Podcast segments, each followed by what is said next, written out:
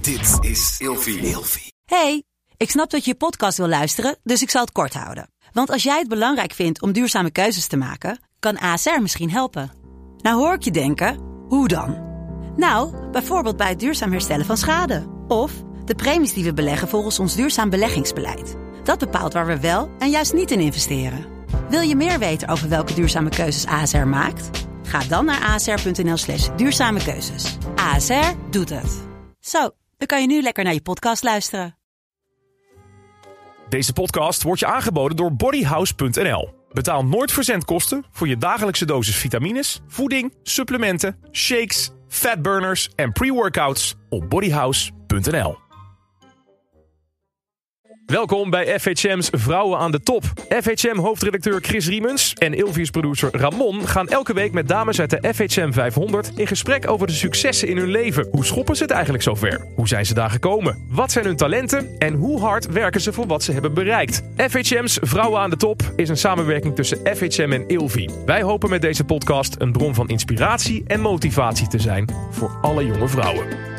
Bonjour mon amour en leuk dat je luistert naar een kakelverse aflevering van FHM's Vrouwen aan de Top. Ramon, We zijn er weer. we zijn er weer. Gezellig. Gezellig. Ben je klaar voor de volgende gast? Ik ben benieuwd. Oh, Ja, want mijn nieuwe gast behoort met zo'n 750.000 volgers tot de grootste influencers van ons land. Maar is daarnaast minstens zo druk als ondernemer. Een warm welkom voor Noor de Groot, a.k.a. de Queen of Jetlags. Hallo. Hallo Noor, Hi. hoe is het? Ja, goed. Ja? Gaat die zeker. lekker? Ja, zeker. Veel gereisd de afgelopen tijd en nu weer even hier. En dat is... eh, Veel jetlags? nee, dat niet. Nee, allemaal Europa. Oké, waar ben je allemaal naartoe geweest? Eh, Venetië, twee keer naar Londen, Milaan, Parijs. Ja, live of een influencer. Ja, ja. Ze zeggen het. Eh, we nemen deze podcast, die beginnen we altijd eh, om jouw cv door te nemen. Hm. Wat is jouw volledige naam? Eleonore de Groot. Ele Ja. Wat een mooie voornaam. Ja, ja. En die heb, je, die heb je die zelf eh, ingekort tot Noor? Nee, dat hebben wel mijn ouders gedaan. Zeg Ja. Maar die hadden meteen als roepnaam dan Noor of Noortje. Ehm, en ja, maar in mijn paspoort staat Eleonora. Ah, mooie naam. Ja. Wat is je geboorteplaats? Leiden. Leiden. Leiden. Leuke Ja. stad. Ja, Ik ken hem ook Zeker. goed. ja. Ik eh, weet het. Ja. Eh, Wat is je huwelijkse staat? Getrouwd. Getrouwd. Ik voel me altijd heel volwassen. Ik refereer ook nog steeds eh, naar Sander als mijn vriend. Iedereen zegt dat is je man. Maar ik voel me nog te jong om man te zeggen. Ja? Ja, Is dat nog net even? Voelt gewoon niet goed aan. nee, voel me nog niet goed. nee. Nee. Jouw man is eh, Sander Kleinenberg. Ja, klopt. Ook eh, bekend in de, in de wereld van eh, muziek vooral. Ja. Als Ja. DJ. Ja. Leuk. Hoe hebben we elkaar leren kennen?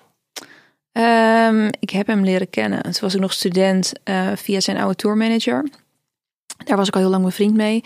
En die reisde eigenlijk met hem de hele wereld over. En ik ging een keer met die tourmanager wat drinken op een zondag. Toen kwam Sander op een gegeven moment ook. En, nou, ja, het was wel leuk, niet heel boeiend verder. Toen twee weken later draaide hij op Loveland in Amsterdam. Toen had die tourmanager weer gevraagd van kom je ook langs? Dus toen was ik met een vriendin daarheen gegaan zijn we heel snel weggegaan uiteindelijk omdat het regende. Toen kwamen we hem bij de uitgang tegen. En toen zei hij tegen mij van, eh, wat ga je zo doen? Ehm, en toen zei ik, dus dat ik met die vriendin ging eten. En toen zei hij, nee, je gaat met mij mee naar Boedapest. Want daar moest hij s'avonds draaien. Het klinkt heel fout. Het is niet zo fout als dat het klinkt. Eh, en toen eh, zei ik nee, uiteraard. En toen ging ik, zei hij, nou dan breng ik je wel naar huis. Dus toen stapte ik de auto bij me in. Zei hij, ik heb je ticket al geboekt, dus ga je paspoort maar halen. Dus ging ik langs huis en eh, mijn paspoort gehaald en meegegaan. En de rest is history. En de rest is history. Wel echt een heerlijk verhaal. Toch? Ja. Dat was de eerste ontmoeting. Ja, maar het, is, ja, het, is- het was dus de tweede ontmoeting. Alleen op papier klinkt Ja. het wel heel slecht dat je met een DJ meegaat naar Boedapest. Ja. Ik weet niet of ik dat nou mijn kinderen per se zou adviseren. Dus het is, ja, aan de ene kant is het heel leuk. Ik bedoel, twaalf jaar later is het nog steeds eh, dezelfde relatiestatus. Alleen, ja, chic, chic. Ik weet niet. Nou, wel avontuurlijk. Dat wel, ja. Wat is je hoogstgenoten opleiding? Eh, ik heb museologie gestudeerd. Universiteit, ja, in Amsterdam. En dan, ehm, dan ga je buigen over de musea. Ja, ja je kan eigenlijk eh, curator, conservator. Eh, je kan ook bijvoorbeeld bij een Christie's gaan werken, een veilinghuis. Eigenlijk van alles. Je wordt, het is zeg maar kunstgeschiedenis alleen iets meer gericht op alles wat rondom musea gebeurt. Ja, tof. Ja. Ik heb nog nooit iemand gehoord die dat heeft gestudeerd. Nee, er studeren per jaar ook denk ik 60 mensen of zo af. Oké. Het is niet een hele brede studie Nee. met heel veel eh, mensen. Heb je hem afgemaakt ook? Ja. Ik heb Nice. mijn bachelor afgemaakt eh, en dan kan je er nog een master doen. Dat heb ik niet gedaan. Dat wil ik nog steeds wel doen, want ik vind studeren echt heel leuk. Ehm, maar toen ging ze eigenlijk inderdaad heel veel met Sander mee reizen en was ik eigenlijk dit werk al aan het doen. Dus toen heb ik het bij de bachelor gelaten, Ehm, maar wel afgemaakt, ja. Ja, tof. Wat was je eerste baantje?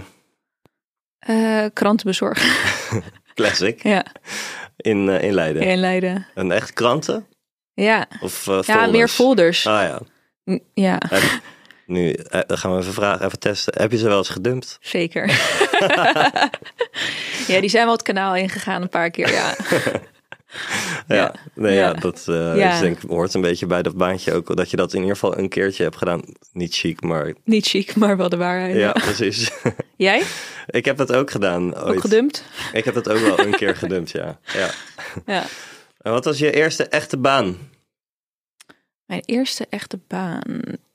Ja, versta je dan een baan in een restaurant daaronder? Of Ja, wat is een jij... bijbaantje meer eigenlijk? Tuurlijk, ik heb in heel veel winkels, restaurants, dat soort bijbaantjes Het gehad. ligt als jij fulltime in een restaurant hebt gewerkt. Nee, Het heb is- ik niet. Nee, Nee, het enige wat ik fulltime eigenlijk gedaan heb, is wat ik nu doe. ja. Ja, ik heb daarvoor heel veel freelance dingen, bijbaantjes. Ik heb, toen ik student was, schreef ik voor de Amsterdamse Hogeschool voor de Kunsten. Voor dat tijdschrift dat zij hadden, schreef ik ehm, stukjes over afstudeerprojecten van mensen die aan de Amsterdamse Hogeschool voor de Kunsten studeerden. Dus ik heb best, maar, best wel veel dingen, verschillende dingen gedaan. Mhm. Ehm, maar ja, fulltime is dit wel echt het eerste eigenlijk. Ja. ja. En wat voor auto rij je? Range Rover Velar. Ait. Een feller ook gewoon. Ja, heel dik. Tuurlijk. Heel vet. Ja. Heel goede keus. Absoluut, ja. ja, rijdt ook wel lekker. Ja, dus ik, weet, ik ben er een keer mee eh, op de introductie van de Range Rover Vilar. Ben ik, eh, dat was in Noorwegen. Oh, vet. Ja, dat was heel, echt een hele vette trip. En toen zijn we dus een berg opgereden met die Range Rover Vilar. Oké, Letterlijk een berg op. gewoon op. Ja, Oké. echt de hele Range Rover heeft altijd van dat soort lijpe eh, persintroducties. Want Ja. die willen la- dan laten zien hoe off-road ze daadwerkelijk kunnen. Nou, ze kunnen dus een berg op Ja. en afrijden. Ja. Ja, vet. Sindsdien ben ik een beetje verliefd op die auto. Ja, het is ook wel een hele fijne auto. Ja. Maar ik moet je wel heel eerlijk zeggen, ik heb al zes, zes weken mijn rijbewijs. Wat? dus dit is je eerste auto. Ja. en heb je, die- heb je een samenwerking met Range Rover? Of heb je hem Nee, gewoon eh, Gekocht. Gewoon gekocht, ja. Ja. Maar zes weken pas je rijbewijs. Mhm. Hoe, eh, hoe heeft dat zo kunnen gaan? Je zat altijd in een vliegtuig. Nee, ja, ik dacht dat, ja, weet je, ik woon in het centrum van Amsterdam. Ik heb het wel geprobeerd toen ik 18 was. Het was toen mislukt. En toen uiteindelijk had ik niet meer echt geld ook ervoor. Want het was natuurlijk super duur. En toen ging ik weer studeren. En toen dacht ik, ja, ik ga in Amsterdam studeren. Ik woon in Amsterdam. Waarom heb ik een auto nodig? Nou, toen leerde ik Sander kennen. Die had een rijbewijs. Dus toen dacht ik, nou ja, Gaan we met jou Oké. mee. Toen dacht ik, nou, weet je, als ik dan moeder word, dan ga ik er wel voor. Toen dacht ik, op het moment dat zij weet dat ik geen rijbewijs heb, wil ik het gaan halen. Want dan, ik wil niet dat zij de hele tijd zegt, waarom heb jij geen rijbewijs? Dat is ook mislukt. Ehm, maar ja, op een gegeven moment dacht ik, nee, ik moet het nu gewoon gaan doen. Ook voor mijn eigen vrijheid en dat gevoel afhankelijk te zijn van anderen. Voel ik op een gegeven moment zo onprettig dat ik het maar wel ben gaan doen. Ja. En is het nog een beetje onwennig op de weg? Of, eh, Nee. Gaat wel goed? Het gaat wel echt goed. Ging het ook te halen in één keer aan een leien dakje? Nee, nee. nee, dat niet. Nee, ik heb daar wel drie keer over gedaan, ja. Aan de, prak- aan de praktijk? Ja, nou, dus- beide. Ja. Theorie en en praktijk. Ja. Ja, nee, dat was niet, eh, was geen doorslaand succes, maar eh, Nou ja, als ze eenmaal binnen is, dan maakt het allemaal niet meer uit. nee, nee. precies. Ben jij zelfstandig of in loondienst? Eh, zelfstandig. Ja. Ja, ik heb een BV en eh, ik ben natuurlijk wel bij mezelf in loondienst. Ik ken Ja. mezelf wel loon uit. Mhm. Dus Helder. En eh, de vraag der vragen, we stellen deze vraag aan elke gast. Heb jij het afgelopen jaar meer of minder dan 100.000 euro verdiend? meer. Meer. Ik had op een of andere manier ook het gevoel dat het wel meer zou zijn. Maar het is eh, niet, niet alle Elda gasten die eh, verdienen meer. Maar toch wel een hoop, eh, hoop antwoorden positief op die vraag. Het is ook belangrijk, denk ik, want heel veel dames die denken dat je allemaal heel veel geld moet verdienen. Ja. En die komen erachter dat heel veel dames ook niet zo heel veel geld verdienen. Weet je, nou is 80.000 euro ook prima veel geld, maar eh, ja, we zeker. hebben een beetje 100.000 als een soort van, als je daarboven zit doe je het wel heel goed. Ehm, maar je hoeft er niet altijd ja, maar dat is boven natuurlijk ook een te waardeoordeel van als je daarboven zit, doe je het heel goed. Want inderdaad, zeg maar, ik verdien dat geld, eh, maar daar doe je natuurlijk ook wel concessies voor om dat geld te verdienen. Het is natuurlijk niet altijd zaligmakend dat je dat geld zeg maar daar tegenover staat. Ik denk dat ik ook wel net zo gelukkig zou zijn als ik eh, 40.000 euro. Iedereen zegt dat ja, dat zeg je nu. Maar nee, ik denk je werk is natuurlijk wel je leven en als je je werk heel leuk vindt, vind ik dat Tuurlijk moet daar een vergoeding tegenover staan. Maar ik denk niet dat, dat, zeg maar, dat het doel per se moet zijn om zoveel mogelijk. Tenminste, voor mij niet. Ik denk dat misschien mensen er anders over denken. Maar nee. Ja, ik ben het er helemaal mee eens. Ja. Zeker. Absoluut. Plezier in je werk Ja. is het allerbelangrijkste. Ja. Ja. Ja. ja. het wordt zo onderschat. Want ik zeg ook altijd tegen vriendinnen als ze bijvoorbeeld een nieuwe baan hebben. van ja, weet je, je werkt wel gewoon echt het grootste gedeelte van de tijd. Dat is eigenlijk hetzelfde met de studie. Want dat duurt ook vier jaar. En heel veel mensen kiezen dan voor een eh, economie of eh, communicatiewetenschap of meer iets algemeens. In de hoop dat ze zeg maar daar meer richtingen mee op kunnen. Dus uiteindelijk een goede baan kunnen krijgen. Alleen ik had echt specifiek gedacht, ik ga iets doen wat ik echt heel interessant vind. Zodat ik het af ga maken. Want anders zou ik het zelf niet gaan afmaken. Maar het werk is dat natuurlijk eigenlijk hetzelfde. Je moet dat elke dag doen. Dus ja, ja, wat is dan uiteindelijk geld? Tuurlijk is geld belangrijk. Zeg maar in de zin van. eh, iemand, ik hoorde laatst iemand zeggen: geld maakt niet gelukkig, maar gelukkig is er geld. Ja, dat is Ja, een, dat is een eh, dik adv- advocaat volgens mij. Ja, is dat zo? Ja, ja, ja. Oh ja. ja, mooie, mooie uitspraak wel. ja. Nee, maar ik, ik, nee, ik denk niet dat zeg maar de hoeveelheid geld het streven moet zijn. Eens. Ja, Hij zei, geld maakt niet gelukkig, maar gelukkig heb ik geld. Ja, Dat Ah. zei hij, ja. ja, ja. ja. Ja. Eh, wat wilde je vroeger worden als klein meisje? Mm, schrijver, denk ik. Schrijver? Ja. Boekenschrijver? Ja, Waarom, alles waar met kwam- schrijven. Ja? Ja. En eh, dat is een kleine stap naar eh, wat je uiteindelijk eh bent gaan doen in Ja. eerste instantie. Want je bent Ja. begonnen als blogger. Ja, Toch? klopt. Ja, Ja. ja. Hoe, hoe, eh, wat, wat bewoog je ertoe om, eh, om een blog te starten? Nou, ik vond sowieso die hele ontwikkeling van eh, fysieke tijdschriften naar digitale platformen heel interessant. Ik volgde meteen ook de eerste, zeg maar, nou ja, toen heette het geen influencers. Ik vind het nog steeds niet echt een, eh, nou, een heel mooi woord. Maar mensen die online hun leven gingen delen. En ik vond het echt superleuk om te zien, eh, zeg maar, wat mij, voor mij dan meer relatable voelde, hoe mensen... ehm, ja, hun lifestyle deelden en outfits, maar ook gewoon adviezen. En hoe dat zeg maar op een meer vrienden, vriendinnenvorm online gebeurde. Ik was toen denk ik 21. Eh, dat vond ik sowieso heel leuk. En op een gegeven moment ging ik heel veel reizen en dacht ik, ik wil dit ook gaan delen. In eerste instantie was het dan meer bedoeld voor vrienden, familie, om een beetje te kijken waar we allemaal waren. Ehm, maar ja, die business is toen natuurlijk heel snel gegroeid. Ja. Zeker, die Ja. is... eh, Want nu denk ik ook dat veel mensen hier aan beginnen, zeg maar, en dan een creator. Of nou ja, ik vind sowieso, ik haat Engels worden. Ja. Ja, je begrijpt wat ik bedoel. Ja, ja, ja. Ehm, als je online dingen doet, dat, ik denk dat heel veel mensen het nu beginnen in de hoop inderdaad op gratis spullen of eh, goed geld te verdienen. Maar in die tijd niemand verdiende geld. Ik kreeg na een jaar elke dag blog een gratis bikini. Toen was ik zo blij dat ik niet eens paste. Maar dat is nu natuurlijk heel anders. ja. Het was toen wel echt een hobby, zeg maar. Je moest het wel echt doen omdat je het leuk vond. Ja. En eh, jij reisde gewoon aan de, doordat je door het Sander de hele, hele Ja. wereld overvloog als DJ, reisde jij met hem mee, waardoor jij op al die plekken kwam. Ja. eh, waar, waar, waardoor je dacht van, hé, maar ik kom op zo verschillende plekken, dit is leuk om te laten zien. Ja. En waar schreef je dan zoal over op je blog?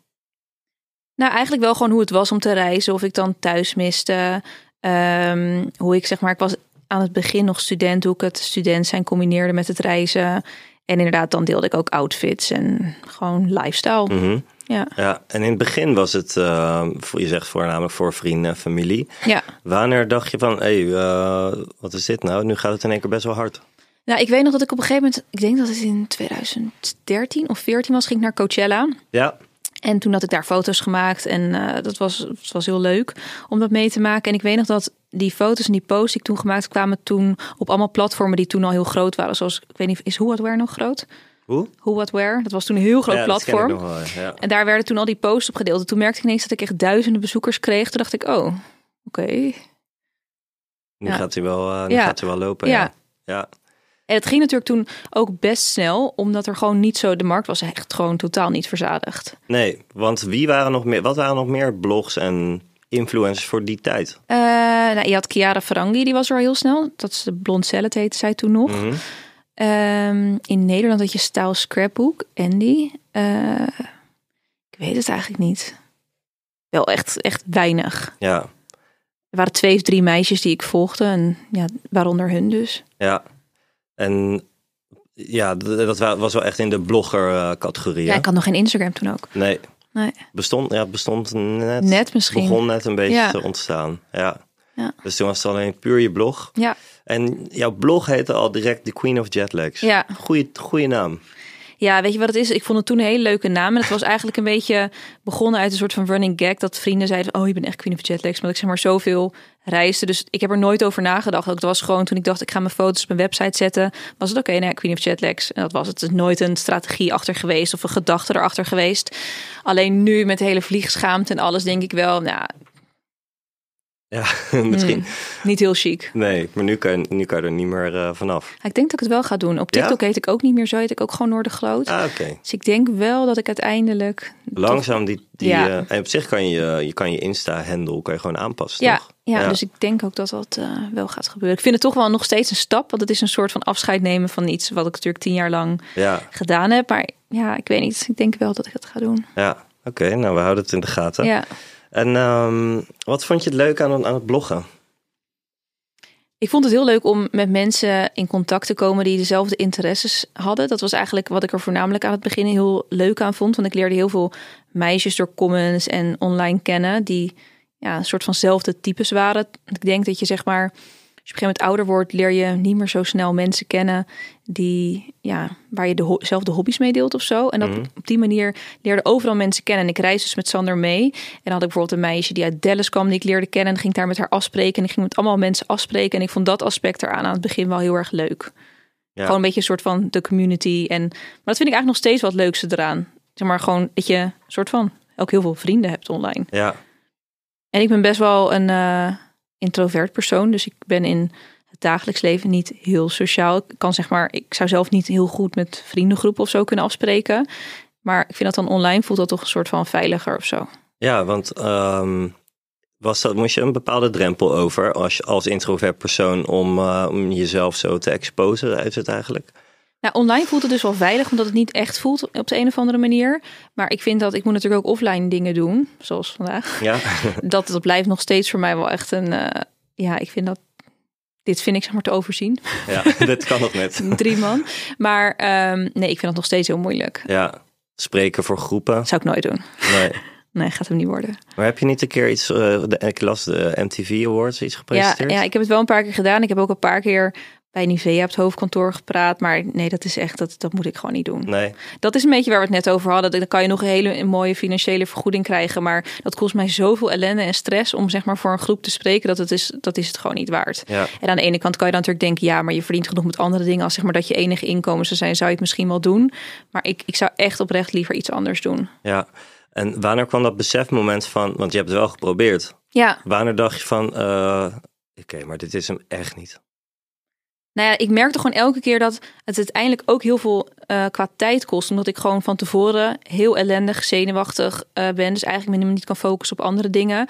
En daarna ook zeg maar twee dagen moet bijkomen. Dus uiteindelijk investeer je dan zoveel tijd er ook in. En je wordt er ongelukkig van. En ik denk dat ik het keer of vier, vijf gedaan heb. En toen gewoon dacht, nee, dit, dit moet ik gewoon. Maar dat hoort sowieso een beetje bij ouder worden. Dat je gewoon op een gegeven moment, ik denk dat je tot een bepaalde leeftijd in je hoofd heel erg hebt wel wat succes is en dingen die je moet doen en die daarbij horen. Op een gegeven moment ga je wel keuzes maken. Dat je denkt, nee, dit hoort niet bij mij. Ik, ik ben dit niet. Ik moet zeg maar niet. Ik weet, niet, ik denk dat ook vroeger loog, je, loog ik een beetje tegen mezelf. Dat ik dacht, nee, dat is wel. Het hoort wel bij het succesverhaal. En dan ga ik dat doen. En, en op een gegeven moment denk je, nee, je bent niet zo. Je, je- dat is niks voor jou. Dat past niet bij je. Dat moet je Mhm. doen. Ja, en is het dan anders, ehm, eh, zeg maar, in een camera praten in je eigen telefoonkamer? Dus je vlogt ook veel en zo. Ja. Vond je dat ook lastig in het begin? Nee. Nee, dat ging je wel Nee. vrij eh, natuurlijk af. Ja. En dat is weer het, het puntje wat je net aanstipte Ja. van, dan is het, het is toch ver, ver weg. Ja. Hoe groot was jouw blog op, op zijn hoogtepunt? Qua bezoekers? Ja? Oeh, zou ik niet meer weten. Ik weet niet meer welke gradaties dat toen waren. Volgens mij had je wel zo'n 80.000 unieke bezoekers Ah, per ja. maand of Ja. zo. Zoiets. Ja, voor een blog is dat Ja. eh, zeer, zeer aanzienlijk, Ja. ja. ja. Maar ik vind het lastig om daaraan terug te denken wat die gradaties daarin waren. Mhm. Volgens mij zoiets. Ja.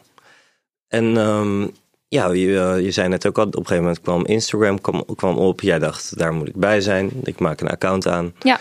Ehm, op een gegeven moment werd, werd Instagram werd belangrijker dan de blog. Ja. Wanneer besloot je afscheid te nemen van de blog en waarom?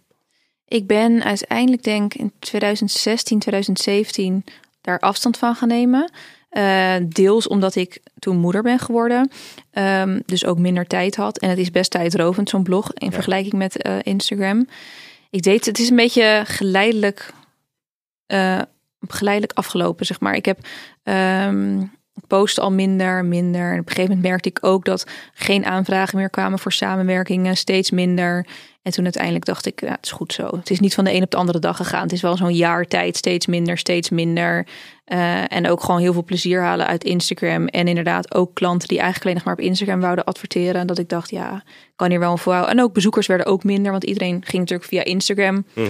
eh, content consumeren. Ja, Het is een beetje een geleidelijk proces geweest eigenlijk. ja. En hoe heb je dat Instagram-kanaal, hoe heb je dat zo kunnen laten groeien? Nou, in het begin zat er al best natuurlijk al wel een soort van een boost in. Omdat ik eh, natuurlijk al wel een grote following op de blog had. En dan ging ik de hele tijd refereren naar Instagram en volg me op Instagram. Dus ik had wel bijvoorbeeld heel snel dan 10.000 volgers, wat toen ook al veel was. Omdat ehm, ja, ik gewoon die blog al een paar jaar had. Ehm, ja, ik ben op een gegeven moment aan het begin natuurlijk wel met trends meegegaan. Wat Ehm, voor trends? Ja, op een gegeven moment waren die hele hysterische foto's met filters. Daar had ik natuurlijk Ah, ja. in die tijd heb ik wel echt heel veel volgers gekregen. Ehm, daar deed ik vol aan mee. Maar ik had bijvoorbeeld ook dan ging je met andere grote platformen samenwerken. Bijvoorbeeld, ik weet nog dat ik zwanger was, deed ik een soort van een takeover van een heel groot account. Dat heette destijds Rewardstyle. Dat was een heel groot affiliate platform. En daar ging ik dan mijn zwangerschap op announcen. Nou ja, daar waren dan ook, daar, die hadden dan zeg maar al 300.000 volgers. En vroeger was er ook een hele grote synergie tussen accounts. Dus ik, we gingen altijd bijvoorbeeld met Fashion Weeks met andere influencers afspreken. En dan gingen we met z'n vieren foto's maken. En dan gingen we elkaar allemaal taggen. Ja. En zo ging je ook, was een soort van kruisbestuiving die Ja. toen heel goed werkte. Ja, zeker. Ja. Dat, eh, dat was gewoon goed voor het algoritme. Er Ja. is heel veel samenwerking Ja. tussen, inf- tussen ja. influencers inderdaad. Ja. En daarmee, ehm, ja, zeker als die grotere influencers elkaar gaan, eh, gaan Ja, vinden. Dan, dat eh, deden we allemaal. Zeg maar, het hele groep en die meiden, die zie ik ook nog steeds. Ja, wie zijn dat? Eh, Leonie Hanne ging toen heel veel mee om. Tamara. eh, eh, Alexandra Guerin. Dat was een beetje het groepje waar ik toen mee omging. En- Namelijk internationaal. Ja. Dus, ja. ja, eentje uit Duitsland, eentje uit de UK. En zo g- ja, ging je ook toen destijds zeg maar, elkaar dus aan elkaars markt voorstellen. Ja. En dat was echt heel leuk. De markt was toen ook niet heel erg verzadigd nog. Dus ik denk ook, bijvoorbeeld vroeger als je dan elkaar zo'n shout-out op Instagram gaf... dan ging je gewoon 8k of zo groeien. Nou ja, nu kan ook iemand mij posten met, eh, weet ik veel, 17 miljoen volgers. Dan krijg je misschien eh, 800 volgers of zo. Ja. Terwijl vroeger was dat, was dat echt, ging het zo hard. Ja. ja, die hele tijden zijn Ja, het veranderd. is zo veranderd. Ja. wat is er allemaal veranderd? iedereen zag natuurlijk daar ook kans in om makkelijk geld te verdienen, een leuk leven te hebben. Eh, iedereen ging op die manier zijn leven delen. Vroeger was het ook een beetje gênant. Mensen zeiden ook van, oh mijn god, maak je de hele tijd foto's van jezelf. En er werd eigenlijk een beetje op neergekeken. En uiteindelijk zag natuurlijk iedereen dat dat gewoon een heel leuk verdienmodel was. En je er ook een leuke levensstijl aan kon overhouden. Dus natuurlijk steeds meer mensen het gaan doen. Ja. Dus er zijn zoveel accounts. En ik denk dat heel veel mensen al zoveel mensen volgen die dit doen. Dus dat niet iedereen heel erg zoekende meer is naar, oh, wie kan ik nog meer volgen? En dat was vroeger natuurlijk ook voor mijzelf. Ik wilde altijd kijken, oh, wie kan ik nog meer volgen? Ik denk dat dat nu, dat sentiment wel echt minder geworden is. Mhm. Ja, de markt is eh, verzadigd Ja. eigenlijk een beetje. Nou, ik vind, no- ik vind dat niet waar, want ik denk er is altijd plek voor talent en Ja. mensen die iets unieks doen. Dus ik vind, ik vind de markt is verzadigd, daar geloof ik niet in.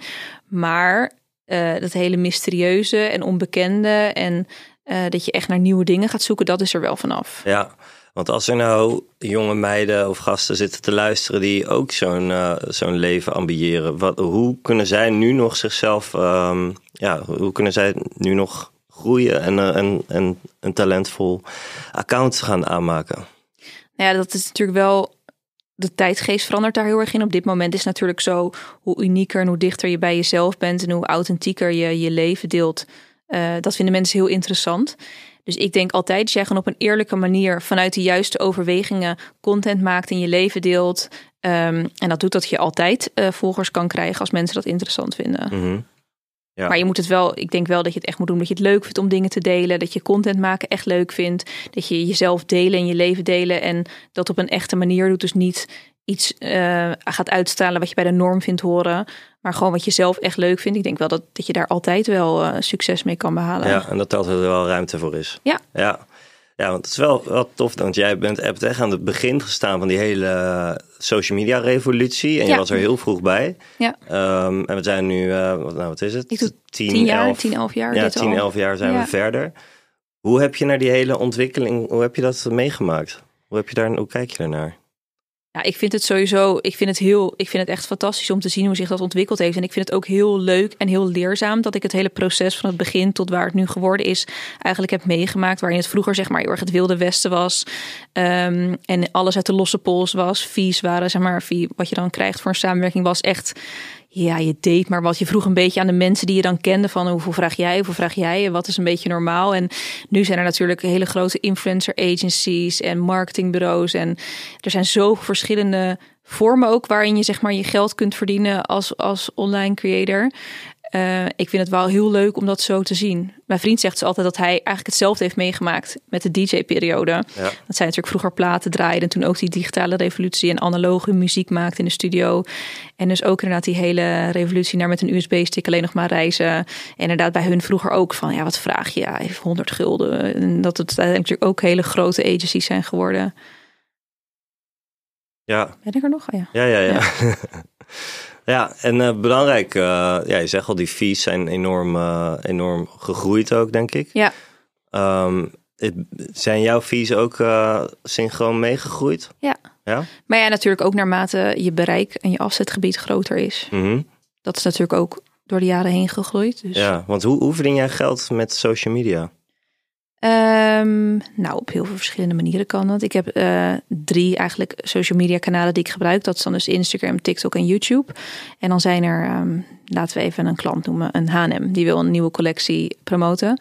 Eh, en die wil dan een bepaalde doelgroep bereiken. En tegenwoordig hebben alle bedrijven ook wel tools om te kijken wat voor doelgroep je hebt. Dus dan kijken ze bijvoorbeeld, zien ze mijn following en denken ze, ja, dit zijn de mensen die wij willen bereiken met onze nieuwe collectie.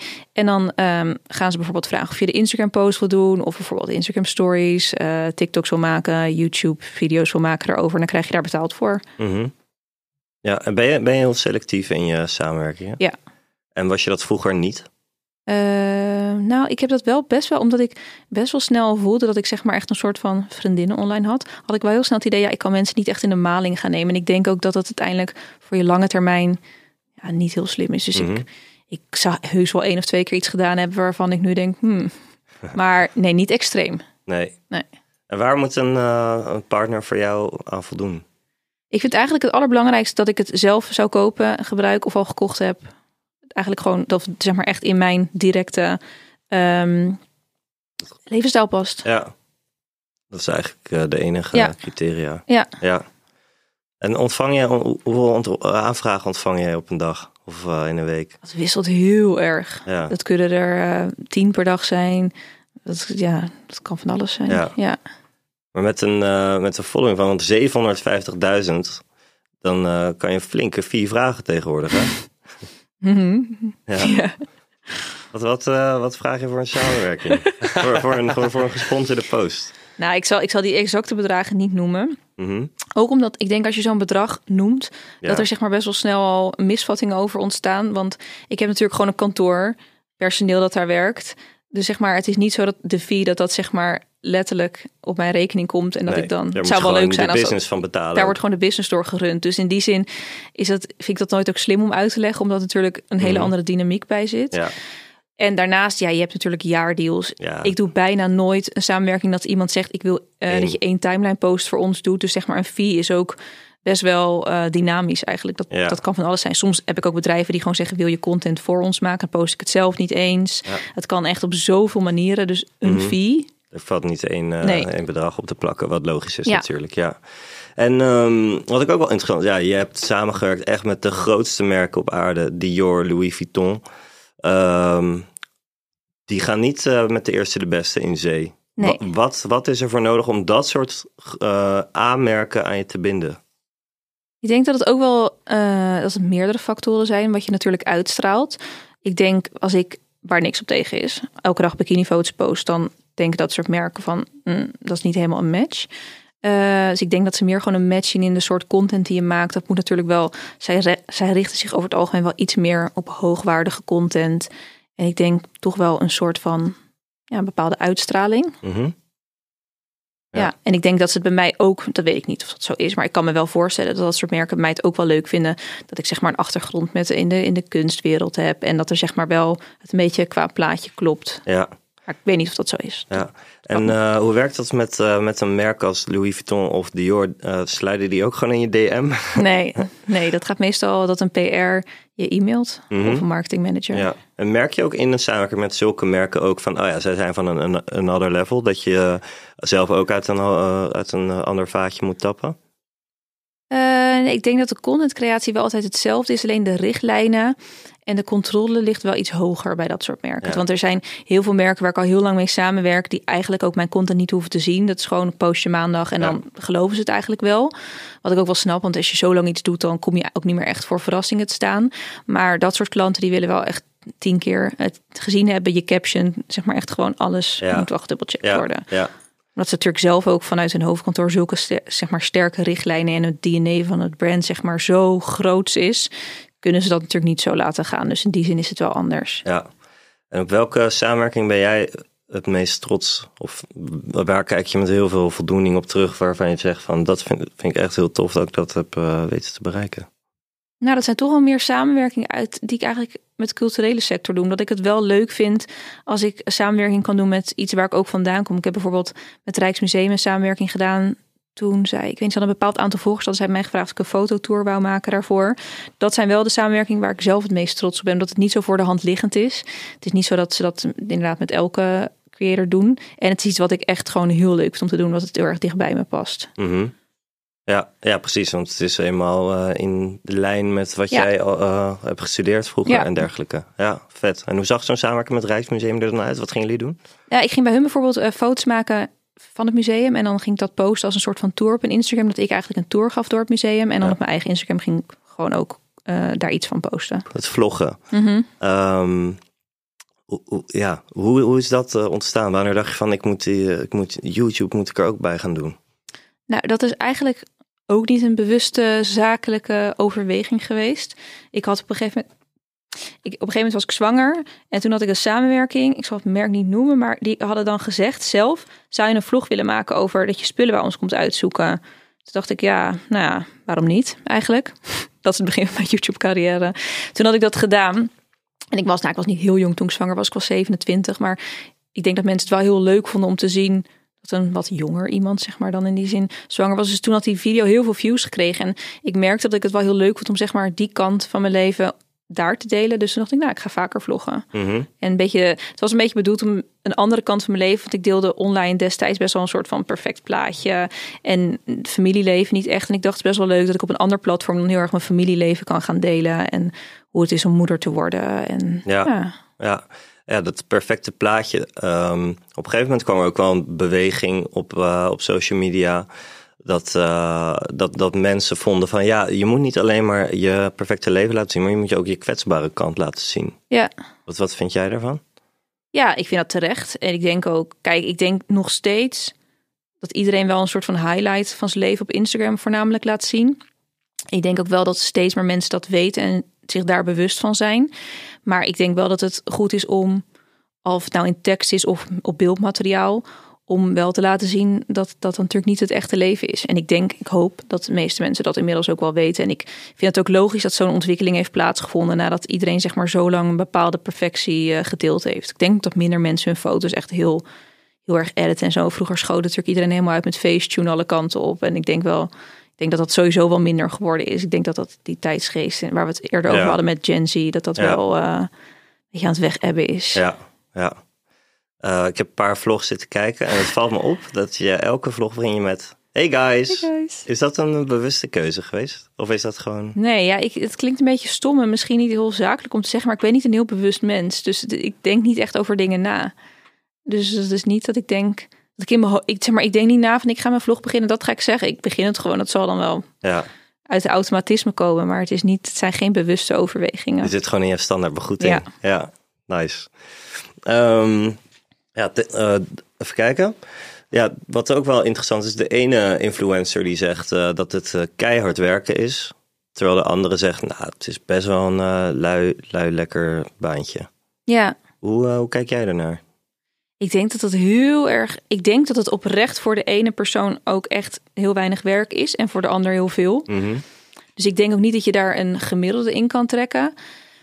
Ja, ik eh, kom natuurlijk wel, ben natuurlijk wat ouder, dus ik kom wel uit een soort van eh, Calvinistisch idee dat, eh, dat je zeg maar ehm, en ja, ook niet zo snel moet zeggen van dat je het nou heel zwaar hebt of zo. Dat je Mhm. gewoon wel eerst je best moet doen. Dus ik zou niet, ik vind het ook een beetje raar om te zeggen van, oh, ik, eh, het- ik heb een heel zwaar leven. Omdat ik denk van, ja, uiteindelijk voer ik natuurlijk wel mijn hobby uit. Kan ik zelf mijn tijden indelen en, en komt daar een mooie vergoeding tegenover. Dus ja, Ja, wat is dan hard werken? En ook is hard werken, is dat, is dat slecht per se? nee, nee Ja, zeker niet. nee. Lijkt mij niet. Nee, Ik moet er niet aan denken om de hele dag niks te doen te hebben. nee. Nee, Gaat de tijd wel heel langzaam. Ja. En hoeveel uur maak je per week? het wisselt echt heel erg. Soms zit ik gewoon zit ik thuis echt te niksen. Dan heb ik wel een plan om te werken, doe ik helemaal niks. Soms werk ik echt inderdaad, ja, als je dan misschien weken dat je reist, dat je gewoon werk je twaalf uur per dag. Ik weet niet, het wisselt Ja. heel erg. Ja. Ik kan ook echt een week geen zak doen. Mhm.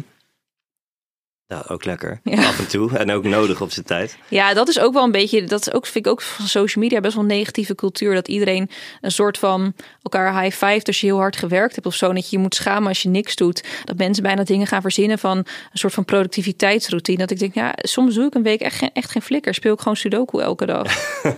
ik schaam me daar echt niet voor. Ik vind ook niet dat je daarvoor moet schamen. Ik denk alleen maar dat dat goed is. Mhm. Ja, dat lijkt me ook. Ehm, een, van de, een van de perks van de job is natuurlijk dat je heel veel spullen opgestuurd krijgt. En dat je gewoon heel erg in de watten wordt gelegd. Eh Jesse, jij hebt wel eens in een interview gezegd, ik leef gratis. Dat is heel lang geleden. dat heel lang interview. geleden, ja. En dat is ook, zeg maar, die vragen waren zeg maar wel daarheen geleid. Mhm. En het antwoord is, ja, je kan gratis leven. Ja, dat ja, kan. Ja. Ja. Mm. Krijg je nog steeds heel veel spullen opgestuurd? Nee, want op een gegeven moment word je natuurlijk ook bewuster wat je voor het milieu aan het doen bent en al die pakketten. En op een gegeven moment zat ik op kantoor al naar al dit plastic en papier te kijken. Dat ik dacht van, wat, wat doe ik hiermee? Ja. Dus ik denk, eigenlijk krijg ik alleen producten waar, van merken waar ik echt mee samenwerk en die ik echt gebruik. Dus zeg maar, dat is ook heel erg Frans. Vroeger kreeg je gewoon een foundation in 30 tinten opgestuurd. Dat was gewoon een perspakket en dat werd naar iedereen uitgezonden. Ja. Maar dat is, ik krijg bijna niks eigenlijk. Nee. Nee. Nou, ik denk een goede ontwikkeling. Ja. Want eh, Ik ook. dat maak ik ook mee met Ja. FHM. Dat er vroeger werd echt achter elkaar... eh, Krijg je ook kwamen- 30 kwamen- tinten foundation. kwamen- nou, die misschien niet. Maar eh, wel eh, elk, elk biertje dat werd gelanceerd, Ja. dat kwam onze kant op. Ja, daar- eh, in het begin is dat leuk. Maar op een gegeven moment denk je, wat moeten we hier allemaal Ja. mee? En de dozen stapelen zich op. Het kost je ook echt letterlijk tijd. Op een gegeven moment zijn je drie uur lang pakketten uit te pakken. Dat Mhm. je denkt van ja, Ja.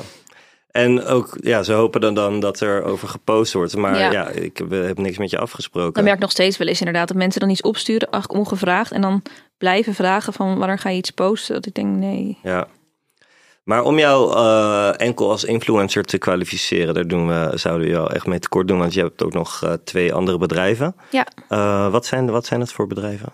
Het ene bedrijf is eh, Summer Someday. Mhm. Ehm, dat is een, eigenlijk een lifestyle brand. ja? Dus daar, dat is begonnen met dat ik op een gegeven moment een ketting om had waar heel veel mensen iets naar vroegen, naar vroegen eigenlijk op YouTube. Eh, en toen ben ik die ketting zelf gaan inkopen. Dacht ik, nou, ik ga het gewoon verkopen. En dat is toen uiteindelijk uitgegroeid tot een merk. Ehm, en het andere is eh, DCA, dat is Digital Content Agency. Ja, Dat is eh, influencer agency. oké. En eh, even naar het Somewhere Someday, eh, dat is, eh, wanneer ben je dat gestart? Eh 2017, 18, 18 denk ik. Mhm. Vier jaar geleden. Hoe belangrijk is jouw online bereik geweest bij het... eh, Ja, nou ja, dat is natuurlijk alles. ja, ja. Ja. Ik Ja. kan het wel ontkennen, maar dat ja. Je had in één keer geen andere cardtrekker nodig, want Nee. dat was je zelf al. Ja, dus qua investering, je hebt geen investeerders ook nodig. Want je kan het in principe natuurlijk, de inkoop en alles kan je zelf, of zeg maar het laten produceren, kan je zelf financieren. En qua marketing eh, ja, heb je ook niet echt een budget nodig, want dat ben je zelf. Mhm. Het doel was wel altijd dat het een bedrijf werd dat naast mij kwam te staan. Dus dat het niet afhankelijk is van mijn bereik en mijn posing. Dat gaat nu ook wel goed. Maar dat heeft wel inderdaad wel twee, drie jaar geduurd voordat je echt zeg maar zelf, voordat daar echt zelfstandig ook een doelgroep op zat. Ja, Dat was wel voornamelijk inderdaad gewoon mijn kanaal. ja. En hoeveel mensen werken er nu voor? Twee. Twee. Ja. En hoeveel tijd sp- eh, spendeer jij eraan? Mm, ik denk een dag per week. Vroeger wel iets meer, Mhm. maar nu... Nee, we hebben trouwens drie mensen in dienst daarvoor. Ja. Ehm, nu heeft wel iedereen een eigen functie en zijn het meer bepaalde dingen qua design en branding die ik echt doe. Eh, en die waar ik graag knopen voor doorhak. Maar ik denk dat ik daar zo onderhand eh, ja, een week, een dag per week. ja. En wat doe je behalve dat? Wat, wat, doe, je behalve, eh, wat doe je nog meer voor dat bedrijf? Eh, social natuurlijk, social media, dus eh, de Instagram. En echt met de marketing bemoei ik me eigenlijk heel veel. En het ontwerpen. Mhm. Dat is ook wel eigenlijk alle producten die uitkomen zijn wel echt mijn idee. Ja. En dan krijg je er veel energie van om dat te doen. Ja, dat is wel leuk om te doen, ja. Ja. En een ander bedrijf is. eh, DCA. Ja. Ja. Vertel daar eens wat over. Wat, eh, ik weet toevallig dat jullie eh Abby Hoes on, eh, Ja. bij jullie agency hebben zitten. Ja, klopt. Ja, dat idee is altijd wel een beetje in mijn hoofd geweest. Omdat je krijgt natuurlijk heel veel aanvragen voor samenwerking. En heel veel doe je natuurlijk niet. En ik dacht dat dat wel, ja, hmm, dat- dat geld dat had toch wel ergens naartoe gekund. Ja. Ehm, dus ik eh, doe dat met een partner, ook die agency. Eh, dus uiteindelijk dacht ik eh, van, ja, ik moet er toch een soort van structuur voor gaan opbouwen. Want het is gewoon zonde dat, ehm, dat ik zoveel aanvraag krijg en er eigenlijk niks mee kan doen. Dus ben ik een beetje omheen gaan kijken welke influencers ik leuk vond. En ehm, ja, daar is een agency uit eh, voortgekomen. Ja. En ga- eh, wanneer is dat eh, ontstaan? Ik denk anderhalf jaar geleden. Dus Ah, nog ja. vrij nieuw. Maar het gaat heel goed. We hebben nu tien, tien influencers. We zijn wel heel selectief. En we willen ook natuurlijk het bedrijf eh, ja, eerst laten groeien en een goede Ja. structuur hebben. Maar het gaat echt supergoed. Leuk. Wat zijn naast Abby nog meer mensen die, eh, die jullie, bij jullie zitten? Eh Lisa Korver, Hilda Siegertsen. Ja. Eh, Ook internationaal. ja. Ja. ja, zij woont wel in Amsterdam. Mhm. Eh Jade van Wil. Ja. Ehm, even denken wie je misschien nog meer kent. Stephanie Afriva. Ja. Ja, Die staat volgens mij ook in de, in de luisterlijsten. volgens mij bijna alle, Ja. alle meiden wel. Net als jij. Ja, ja. ja. Ehm, En Abby inderdaad natuurlijk. en Abby, ja. ja, Ja, jij vertelde tegen mij dat zij eh, door de FGM 500 zomaar 20.000 volgers erbij heeft gekregen Ja. in één week. ja, Ja. Ja, dat was echt een enorme boost voor haar, inderdaad. Mhm. In hoeverre zijn jullie nog bij, bij de influencers betrokken om hun strategie te bepalen? Volledig. ja? Ja, echt, daar ben ik wel echt elke dag mee bezig. Ja. Ja, nee, ik heb natuurlijk heel, heel veel ervaring daarin en ik ken de markt ook heel goed. Dus ik denk wel dat ik daar heel goed advies in kan geven. Dat vind ik Mhm. ook echt heel leuk om te doen. ja. Vind je het tegenwoordig ook leuker omdat je het zelf eigenlijk allemaal een beetje gedaan en gezien hebt om nu anderen daarmee Ja. te, te laten groeien en te helpen? Ja, vind ik heel leuk om te doen. Mhm. Ja. En als je nu, nu terugkijkt op, die, op jouw eh, loopbaan eigenlijk, waar, waar ben je het meest trots op dat je bereikt? Want ja, je, je, je staat bovenaan de, de top van de influencerketen. Eh, je hebt twee eh, goed lopende bedrijven. Ja, Lekker bezig. nou, ik, ik denk wel, ik, ik ben er meer trots op, zeg maar, de manier waarop ik het gedaan heb, denk ik. Gewoon dat ik altijd dicht bij mezelf ben gebleven en mezelf niet, zeg maar, in eh, iets verloren ben in al die jaren. Ik denk dat ik daar meer trots op ben dan, zeg maar, dat ik daadwerkelijk iets, ehm, zeg maar, een bepaald iets wat ik bereid. Ik vind het wel, ik ben er wel heel trots op dat ik een bepaalde vrijheid voor mezelf gecreëerd heb. Wat ik ook heel belangrijk vind, dat ik in principe ehm, mijn leven zelf kan indelen. Dat zijn zeg maar meer dingen waar als ik over nadenk, dat ik denk van nou daar ben ik echt trots op. Mhm. Ja. En heb je ook een eh, bepaalde stip aan de horizon van daar wil ik nog naartoe of dit wil ik Nee. nog bereiken? Of gewoon go with the flow? en Nee, Oh, zien ik voel het me wel? altijd een beetje een loser als ik dan nee zeg. Omdat ik, je wil natuurlijk wel een soort van inspirerende talk geven. Maar ik heb dat gewoon niet. Ik vind het gewoon heel lekker om eigenlijk best wel gewoon in de waan van de dag nog steeds op te Mhm. gaan. En niet echt met een doel te werken. Ik weet niet, ik vind dat het ook een beetje een soort van de, ehm, ja, een beetje het verpest. Ja, kan ook een beetje een blok aan je Ja. been worden misschien. Ja, Ja, nee, ik zie het wel. Ik denk altijd, ja, zolang ik dingen doe die ik leuk vind, komt het allemaal wel goed. Ja, dat lijkt me een eh, hele mooie afsluiter. Want eh, de laatste vraag is altijd ehm, in deze podcast: wat is het beste advies dat jij ooit hebt gekregen? Nou, ik denk het beste advies dat je überhaupt kan krijgen is dat je altijd dicht bij jezelf moet blijven. En niet eh, te veel in een leven moet gaan duiken of in een baan moet gaan duiken die ver van je af ligt. En waarin je ehm, jezelf verliest Ja, op zakelijk gebied. Ja, dat lijkt me hele wijze woorden om Ja. mee af te sluiten. Dankjewel voor je komst, Noor. dankjewel wel voor de uitnodiging. Heel graag gedaan. Leuk dat je er was. Ja. Ramon, Tot de volgende week. tot de volgende week weer. En aan, aan al onze luisteraars eh, ook bedankt. En vergeet ons niet te volgen via fjam.podcast op Instagram en TikTok. En check jullie graag weer volgende week bij een nieuwe aflevering van FJam's Vrouwen aan de Top.